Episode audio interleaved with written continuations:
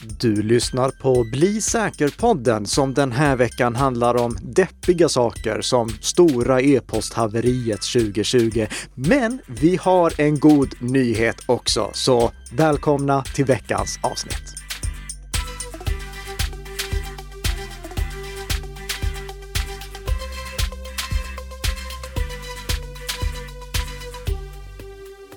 God morgon, god morgon Tess! Nej men god morgon kära Nicka! Den här veckan eh, så, alltså när jag kollar i show notesen, de är inte roliga. Det är ganska deppig dag, eller? Ja. Mm.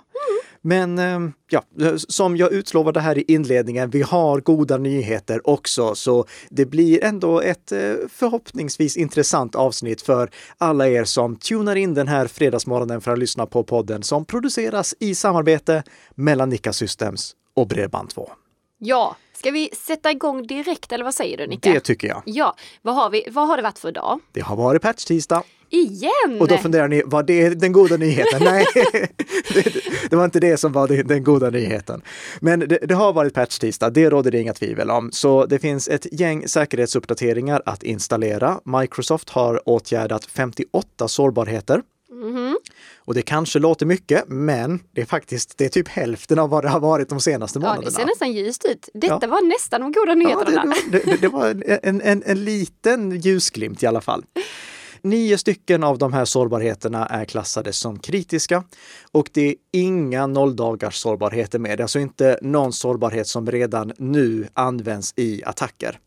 Men bara för att det inte finns någon sådan sårbarhet så är det inget skäl till att dröja med att installera säkerhetsuppdateringarna. Mm. Gör det omedelbart till din dator som kör Windows 8.1 eller Windows 10. Office 2010-paketet det har vi ju sagt tidigare att inte längre får säkerhetsuppdateringar. Ja. Och går man till Microsofts webbplats, då ser man där att det står tydligt i en ruta att eh, Office 2010 får inte längre säkerhetsuppdateringar efter oktober. Och strax där under den rutan så finns månadens säkerhetsuppdateringar för Office 2010. Jag, jag, jag gillar inte det här. Man kan inte gå ut och säga något och sen ändå göra det. Ja, jag, jag, jag vet faktiskt inte varför. Det, det första som jag funderade på var okej, okay, kan det vara så att de har något sånt här förlängt program för vissa organisationer där de kan köpa uppdateringarna, mm. så som går att göra med Windows 7? Ja. Men jag känner inte till något sånt program. Nej. Och jag skrev till eh, Microsoft-kännaren Mary Jo Foley som eh, driver podden Windows Weekly. Fantastiskt bra podd för övrigt. Och frågade liksom, har, har du någon idé varför Microsoft fortsätter att släppa säkerhetsuppdateringar? Ja. Men hon hade bara en teori att ja, kanske är det så allvarliga sårbarheter att de väljer att göra det ändå. Mm. Men det är inga kritiska sårbarheter de har åtgärdat. Alltså det är ingen sårbarhet som har klassats som kritisk. Ja, det, alltså det är ju det är bra men det blir också lite det här Petter och vargen. Ja. Man instiftar en vana då av att man tänker att nej mm. men det är lugnt. Ja. Så eh, jag påminner ändå igen, se till att uppdatera till en underhållen version av Office. Ligg ja. inte kvar på den gamla. Sen så um, har det också varit uh, en uh, liten nyhet kring Microsoft Teams som är värd att nämna. Microsoft Teams är ju inte som de andra Office-applikationerna. Nej. Microsoft Teams är en eh, Electron-applikation, vilket innebär att det egentligen bara liksom är en, en webbapplikation som man kör på sin dator. Mm, just det. Och den uppdateras också mer som webbläsare uppdateras. Alltså om vi tänker på Google Chrome och eh, Microsoft Edge och Mozilla Firefox, de uppdateras ju automatiskt. Ja. Det gör Microsoft Teams också. Mm. Så du behöver inte tänka på att Microsoft Teams ska få säkerhetsuppdateringar en gång i månaden och uppdateringarna kommer inte heller på patch-tisdagen utan de rullar ut lite när Microsoft känner för det. Och de har nu åtgärdat en sårbarhet som var ganska allvarlig får jag säga. Nämligen att eh, om en angripare preparerade ett meddelande på ett specifikt sätt och postade det i en eh, kanal som flera är medlemmar i. Mm. Då kunde den angriparen köra kod på deras datorer bara av att de visade meddelandet. Oj! Ja. Det, den är inte så rolig och Nej. det påverkade Windows, Mac OS och Linux. Hoppla! Mm. Som tur är så uppdateras ju med mm. Teams automatiskt, så ni behöver inte tänka på det. Men jag kan lägga med en länk till eh, en liten demonstration av eh, hur den här attacken kan utnyttjas. Microsoft patchade den faktiskt redan i slutet av oktober, men det var nu den här veckan som vi fick reda på att den hade funnits. Så en ganska Mm. inte någonting som man vill att ska hända, att liksom bara att man får upp ett meddelande att datorn på något Nej. sätt påverkas. Ja, Hur som helst, det är åtgärdat. När det gäller Adobe, de har släppt säkerhetsuppdateringar också. Vi spelar in det här på onsdag förmiddag och Adobe har skrivit att de kommer att släppa en säkerhetsuppdatering till Acrobat Reader också. Mm, den okay. har inte släppts när vi sitter och spelar in, Nej. men den, den, kommer. Så nu när ni lyssnar på podden, då har den förhoppningsvis dykt upp. Härligt! Mm. Jag gillar att prata om utpressningsattacker och sådär. Ja. Så jag tänker att jag kör på det spåret. Mm. Ja. Utpressare fortsätter att tweaka sina metoder för uh, utpressning, vilket CDNet har rapporterat om. De har nämligen börjat ringa kalla samtal. Jag tycker detta är så spännande. Alltså, som en, typ, typ som, som en säljare som ringer ut till, eh, till eh, privatpersoner eller företag för att sälja på någonting. Mm. På samma sätt så har de nu ett eh, callcenter som gör detta. Jag tycker okay. det är så intressant. Detta har eh, man sett sedan i alla fall augusti-september i år. Och man kan då se att de använder telefonen med syfte att faktiskt sätta mer press på sina offer. Och det verkar som att, ehm, eh, eller vi har fått tag på en transkription via Sidenet från ett samtal där den som ringer säger We are aware of a third party IT company working on your network. We continue to monitor and know that you are installing Sentinel-1 antivirus on all your computers. But you should know that it, that it will not help. If you want to stop wasting your time and recover your data this week, we rec recommend that you discuss the situation with us in the chat or the problems with your network will never end. Det är som att så här, de erbjuder verkligen en så här kundtjänstkanal. Mm. men kom och chatta med oss så löser vi det här problemet åt er. Ja, det, och så betalar du och sparar ja, lite. Exakt. Nej, men det är ytterligare ett exempel på att nu är det professionella företag som utför ja. de här utpressningsattackerna. Precis. Att man till och med har ett callcenter. Mm. Ja, men det, det, är ju jättebra att liksom, ja, nej, men vi, vi, ser här att du håller på att återställa datan. Vi sa ju det här också om att vi läcker datan om det är så att ni inte betalar. Så eh, sluta hålla på med det där, bara hosta upp stålarna till oss så blir vi nöjda. Exakt. Fascinerande i alla fall. Ja. Mm. Jag, eh, vi, vi, lägger med en länk till eh, den här eh, ZDNet-artikeln också om yeah. ni vill eh, läsa mer om eh, vad som har hänt där. Och apropå det, det, det eller egentligen det är bara apropå utpressningstrojaner. Vi har mm. ett troligtvis nytt rekord i begärd utpressningssumma. Ja, just det. Mm. Det är Foxconn som har drabbats. Eh, Foxconn är en sån här jättestor eh, elektronikproducent. De eh, mm. tillverkar också mobiltelefoner åt andra, så monterar mobiltelefoner Aha, okay. åt bland annat Apple. Eh, och de har drabbats av en utpressningsattack. Ska se, hur mycket var det? Jag tror det var 275 miljoner kronor. Ja, Mm, det, är sådär. det är en saftig summa den. Ja. ja, så vi, nytt rekord här också. Där. Mm, eh, eller jag kan inte garantera att det är nytt rekord, men det är det högsta, den högsta lösensumman som jag kan erinra mig att har mm, begärts. Okay. Mm. Men eh, sen får vi ju se. Det, det, kan ju hända att eh, Foxconn kan förhandla ner lösensumman. Mm. Eller helst av allt bara be utpressarna dra åt Oj, jag höll på att slinka ut någonting som hade gjort det här eh, avsnittet till inte clean enligt kategoriseringen. Okej, okay, vet du vad? Vi går in på den glada nyheten för ja, den här veckan. vad har hänt med Google Authenticator? Jo, Google Authenticator har ju gett namn till Google Authenticator-metoden. Mm. Alltså en av de absolut populäraste tvåfaktorsautentiseringsmetoderna. Ja och också dessutom en rekommenderad tvåfaktorsautentiseringsmetod. Sen heter inte metoden Google Authenticator-metoden egentligen, men jag tycker det är bäst att kalla den det för att det är så jobbigt att kalla den för dess tekniska namn.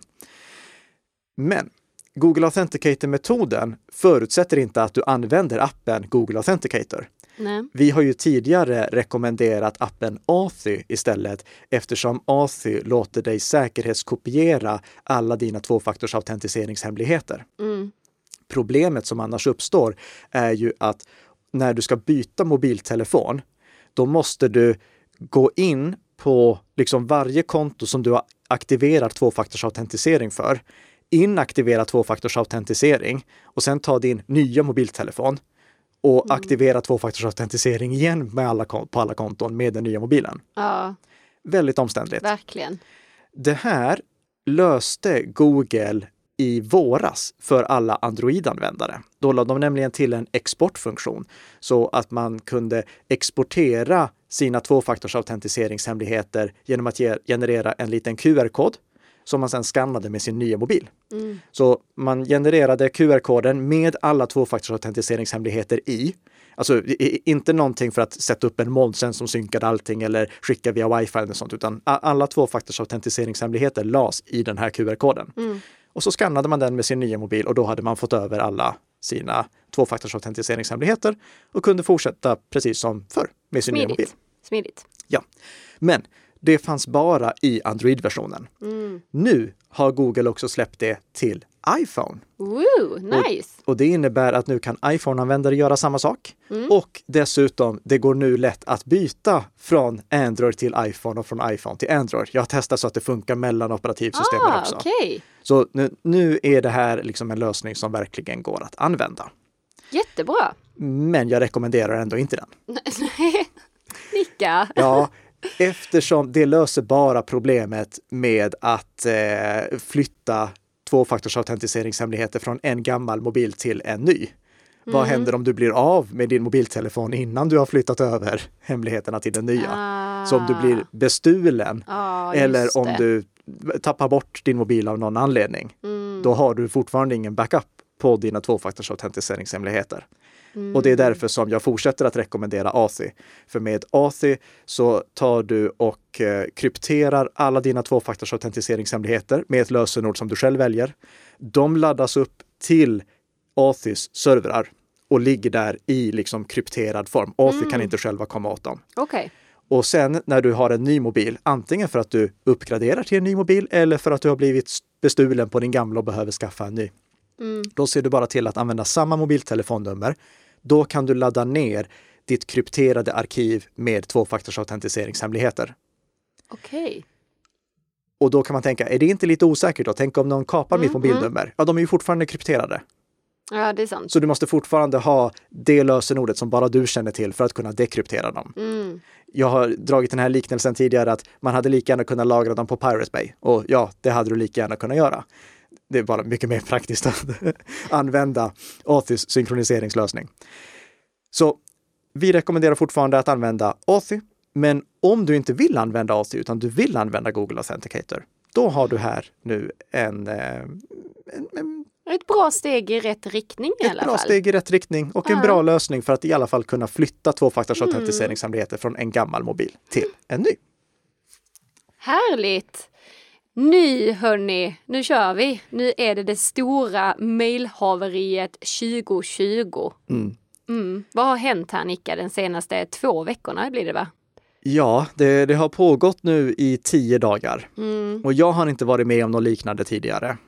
Och jag ska alldeles strax berätta vad det är som har hänt. Men innan jag gör det, då vill jag först och främst förtydliga att det som jag går igenom nu är inte att jag på något sätt avråder från att använda hostade mejltjänster, alltså att använda mejltjänster som någon annan driver. Mm. Många som lyssnar på den här podden vet att jag är en varm förespråkare av att man ska ha en NAS hemma, alltså en ja. egen fillagringsserver. Och eh, för er som har Synology NAS så kan jag tipsa er om att en betaversion av nästa version av Synologys operativsystem presenterades den här veckan. Jag lägger med en länk till den presentationen också om ni vill se mer om det. Så jag rekommenderar att ha en NAS. Det, det, det är verkligen någonting som jag har gjort under många år och jag har till och med sagt att NASen ska bli årets julklapp i många år. Får ja, men det blir den... fortfarande inte det. Nej, men kanske nästa år, kanske nästa år, kanske i år också. Det är inte officiellt, men ja, ja. Vi, vi, vi, får se vad som händer med det. Man kan drifta sin egen e-postserver på sin egen NAS. Mm -hmm. Så man, man kan liksom sätta upp det själv. Jag gör inte det. Och jag rekommenderar synnerligen få att göra det för att drifta en egen e-postserver är jättesvårt. Det finns så många fallgropar. Mm. Så om man inte känner sig 100% säker på hur man ska gå tillväga, då bör man inte sätta upp en e-postserver själv. Nej, okej. Okay. Så det här är inte jag som säger att man ska låta bli att använda driftade e-posttjänster, utan det, det, det, är bara jag som vill lyfta upp problemet som har hänt. Mm. Och sen också ge några handfasta rekommendationer kring hur man kan minimera konsekvenserna av om det händer igen. För det, det som vi kommer prata om nu, det är sånt som har hänt tidigare. Jag kan bara inte erinra mig att det någonsin har hänt i den här omfattningen. Nu tror jag att våra lyssnare är otroligt nyfikna på vad det är faktiskt är som har hänt. Om det inte är någon av de 10 000 kunderna till FS Data som har blivit väldigt medvetna ja, om det själva. Det är sant. För förra söndagen. Första advent då. Precis, precis. Ja. Då kraschade hela FS Datas e-postinfrastruktur. FS Data är ett eh, webbhotell och de erbjuder även en mejltjänst. Och den används framför allt kan jag tänka mig av företagskunder. Det känns som att det är företagsfokuserat. Mm. Så 10 000 användare och 50 000 e-postkonton försvann. Oj, oj, oj. Ja. Det här är lite problematiskt för många. Mm. För på måndag morgonen, då kunde de inte skicka mejl. För de hade ingen kontakt med sin e-postserver. När det gäller e-post, då bygger det ju på modellen att du har din klient på datorn, antingen liksom en applikation eller eh, en, eh, en eh, webbplats som vi mm. kör Gmail. Mm. Men om du har en applikation på datorn så kommunicerar den med en e-postserver. Mm. Den e-postservern kommunicerar med alla andra e-postservrar på nätet som ser till då att du kan skicka ut e-post och ta emot e-post. Ja. Och den e-postservern som du skulle kommunicera med på måndag morgon, den fanns inte där. Så de kom ändå in i sin mail? Ja, och om de hade en eh, mailklient på sin dator, uh. då kunde de öppna den. Okay. Men ifall de körde bara med webbmailen, mm. då fanns det ingen sådan. Okej. Okay. Mm. Och det värsta var att några timmar senare på måndagen, då kvarstod det här problemet. Aj då. Ja. Och du kan ju tänka dig hur det är för alltså, många småföretagare som eh, nu ska fixa med julhandel och liknande. Oh, ja. Jag har liksom läst igenom alla kommentarer som har skrivits på deras Facebook-sida, på FS Datas Facebook-sida och ser hur småföretagare eh, i princip gråter över, alltså jag, jag kan inte mejla, min verksamhet kräver att jag kan skicka och ta emot mejl. Mm. Så det, det har varit smått hjärtskärande att se. Måndagen tog slut utan att mejlservern var uppe igen. Bakgrunden var att hela det SANet, alltså tänk om en NAS är en, en liten server som du kör, kör själv, ja. så är SAN, när du vänder det bak och fram, det är ett jättestort nätverk för lagring. Ah, okay. Allt det hade kraschat och FS Data meddelade att de var tvungna att installera allting på nytt. Så det, det fanns liksom inte någon backup de kunde återställa för att få det tillbaka i det gamla stadiet, utan de var tvungna att bygga upp allting på nytt och sen återställa bara datan. De kunde inte återställa hela SANet. Ah, aj, aj, aj. Ja. Och därför, i och med att det var ett så otroligt stort jobb, så hann de inte klart på måndagen. Nej. Och de hann inte heller klart på tisdagen. Nej. Och de hann inte heller klart på onsdagen. Och aj, nu börjar aj. det bli riktigt mycket problem här. Mm. För vad händer ifall en e-postserver ligger nere för länge? Jo, när du ska skicka ett mejl till någon, mm. då kommer du ju att skicka mejlet till din utgående e-postserver. Och den utgående e-postservern, den försöker då skicka mejlet till den mottagande e-postservern. Ja. Men om den mottagande e-postservern inte finns, då kommer din utgående e-postserver bara säga ah, okej, okay, här har vi en, en driftstörning. Men det är lugnt. Jag skickar mejlet lite senare. Mm. Och så går det ett litet tag och så ja. provar din utgående e-postserver att skicka mejlet igen. Mm. Och så kommer det inte fram och då, ja okej, okay, men jag skickar det lite senare. Det här är så mailsystemet är byggt för att dels du inte ska behöva ha din dator online hela tiden. Ja. Och dels för att det ska vara driftsäkert. För som jag sa, mm. vi har sett e-poststörningar många gånger tidigare. Absolut. Men din e-postserver fortsätter inte göra så i all oändlighet. Nej. Enligt standarden så ska den försöka göra det i fyra till fem dygn. Men den standarden är gammal och om vi tar min Exchange-server till exempel, eh, Exchange som väldigt många företag kör. Exchange är förinställd på att testa i två dygn. Mm. Så om det går mer än två dygn Ja. och den som har konfigurerat servern inte har bytt ut liksom standardinställningen till något annat, Mm. då kommer inte mejlet komma fram. För då ger din utgående e-postserver upp. Då säger den bara, kan inte leverera mejlet. Mm. Du som avsändare får då en notis, alltså ett, ett, ett tillbaka mejl från din utgående e-postserver som säger tyvärr kunde inte leverera det här mejlet. Men mottagaren som skulle fått det mejlet, han eller hon kommer inte se röken av det. Så när det liksom hade gått så lång tid att vi var liksom framme vid onsdagen, då började mejl försvinna. Mejl som har skickats, eller mejl som hade skickats Mm. till de här berörda mottagarna kom inte fram. De studsade. Aj då. Och då kan jag tänka, finns det några, har vi någonting som vi vet om så här, de som har drabbats liksom? Inte mer än antalet. Nej. Det, det, det är antalet användare som, som vi känner till. Ja, aj fy. Det här problemet, det fortsatte sen på torsdagen. Mm. Och på fredagen, alltså fredag förra veckan, Ja. då började äntligen de här servrarna komma upp igen. Det, det, jag såg några notiser om att de skulle ha börjat komma upp redan på torsdagen, men på fredagen då såg jag användare som bekräftade också att de börjar få åtkomst till sitt mejlkonto. Mm. Men Åh nej. Inga män nu Nika. vi borde göra en klippshow med hur många män som vi Ja, har haft i den här verkligen. podden. Det, det som FS-Data då hade lyckats med, det var ju den första viktigaste saken, att få upp ingående och utgående e-postservrar så att användarna kunde skicka och ta emot mejl. Mm. Men de hade inte hunnit återställa historiken.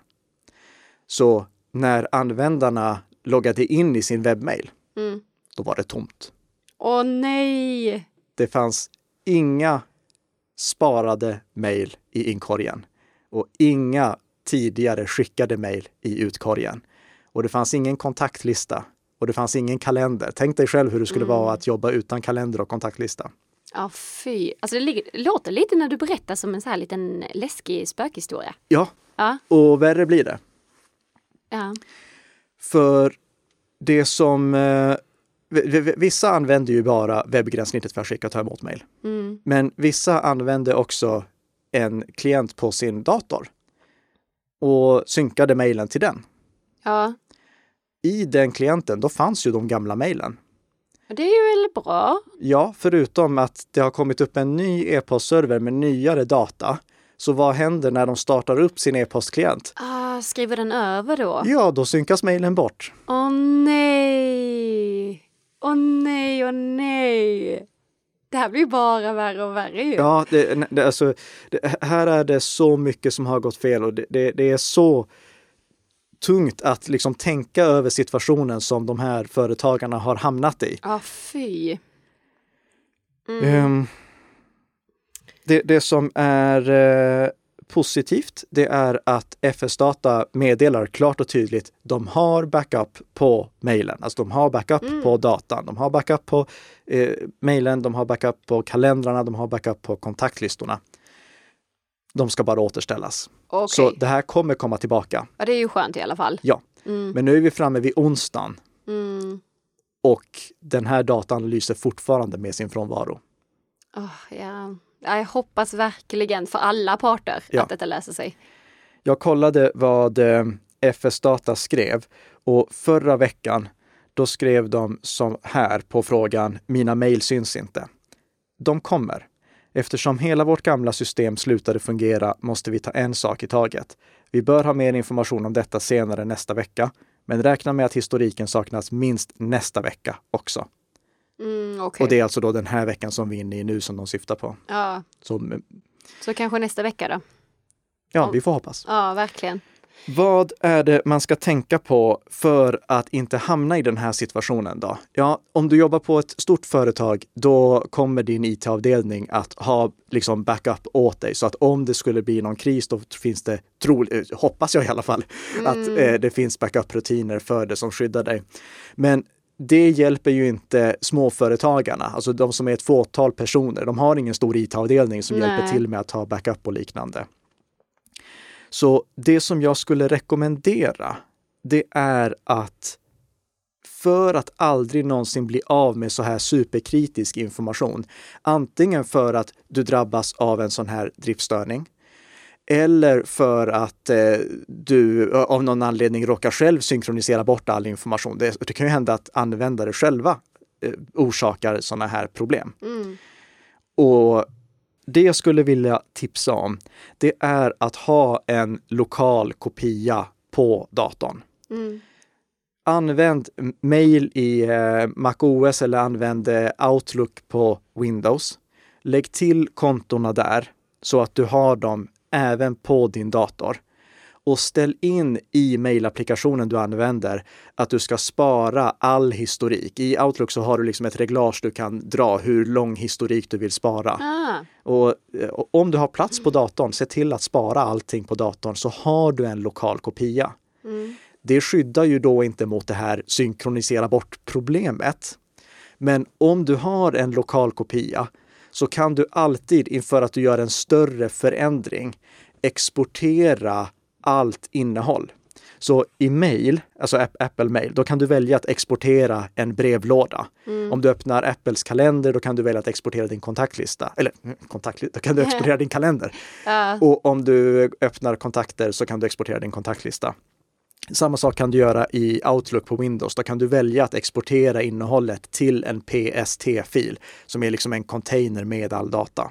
Så då tar du liksom, om du tänker okej, okay, nu, nu ska jag liksom göra en stor förändring, lägga till eh, min, eh, mitt e-postkonto på en ny mm. enhet mm. eller någonting sånt. Då tar du först en ordentlig kopia så att du har allting i en separat fil som du kan återställa vid behov också. Mm. Sen eh, vet jag att det finns vissa som bara använder webbaserad e-post, till exempel Gmail. Ja. Eh, och du är ju... Jag gör det. Ja, ja. Nu jobbar du visserligen på ett stort företag, men ändå. Det som du kan göra om du använder Gmail, det är att eh, du använder eh, en funktion som heter Takeout eller Google Takeout. Jag lägger mm. en länk till den. I Google Takeout så kan du välja att exportera alla dina mejl. Du kan välja att exportera alla dina kontakter, eh, mm. alla dina kalendrar och liknande. Så att du har datan lokalt också. Då får du liksom en, ett ZIP-arkiv som du kan spara utifall det skulle bli problem. Smart. Eller ifall du skulle vilja flytta datan till någon annan plattform för den delen. Men hur, hur blir detta då med GDPR tänker jag? Ja, det, det måste du ha i åtanke mm. eh, som vanligt. GDPR omfattar ju även säkerhetskopior. Mm. Så om du tar backuper så måste du komma ihåg att persondatan som ligger i backuperna också omfattas av GDPR. Så mm. det är bra påminnelse att du, du lyfter det också. Eh, glöm inte att ha med det i åtanke i er personuppgiftshantering så att ni inte plötsligt har massa personuppgifter sparade som ni inte har dokumenterat att finns sparade i säkerhetskopior. Mm. Men om vi bara kollar på det ur ett rent tekniskt perspektiv, ja. i och med att jag inte brukar vilja gå in på juridiken, Nej, eh, så kan du göra på det, det här viset att eh, antingen synkronisera ner allting till en klient på din dator och exportera säkerhetskopior därur. Eller om du använder Gmail, då tar du och exporterar allting via Google Takeout. Mm. Smart! Bra tips. Ja, eh, ingenting som hjälper eh, de som redan har drabbats av de, de, den här tragiska situationen. Nej, men för framtiden. För framtiden. Mm. För som jag nu har sagt flera gånger tidigare, mm. att det, det, här är saker som sker. Och för mig, det hade varit illa om jag inte hade kunnat komma åt min e-post i bara liksom en halv dag. Jag, ja. jag hade legat i fosterställning på, på golvet om jag inte hade kunnat göra det. Ja, Så det är verkligen viktigt att ha bra backuper och om du inte jobbar i en stor organisation där du vet att IT-avdelningen ser till att det finns backup-rutiner, ta en backup själv. Mm. Det, alltså, det kan inte skada. Nej, nej. nej. Absolut. Och med det sagt är det dags att avrunda det här 98 avsnittet av Bli säker-podden. Men vi är som vanligt tillbaka nästa vecka igen med ett nytt avsnitt som gör dig lite säkrare för varje vecka som går. Tack så jättemycket för att du har lyssnat och ha en riktigt trevlig helg. Ha det bra!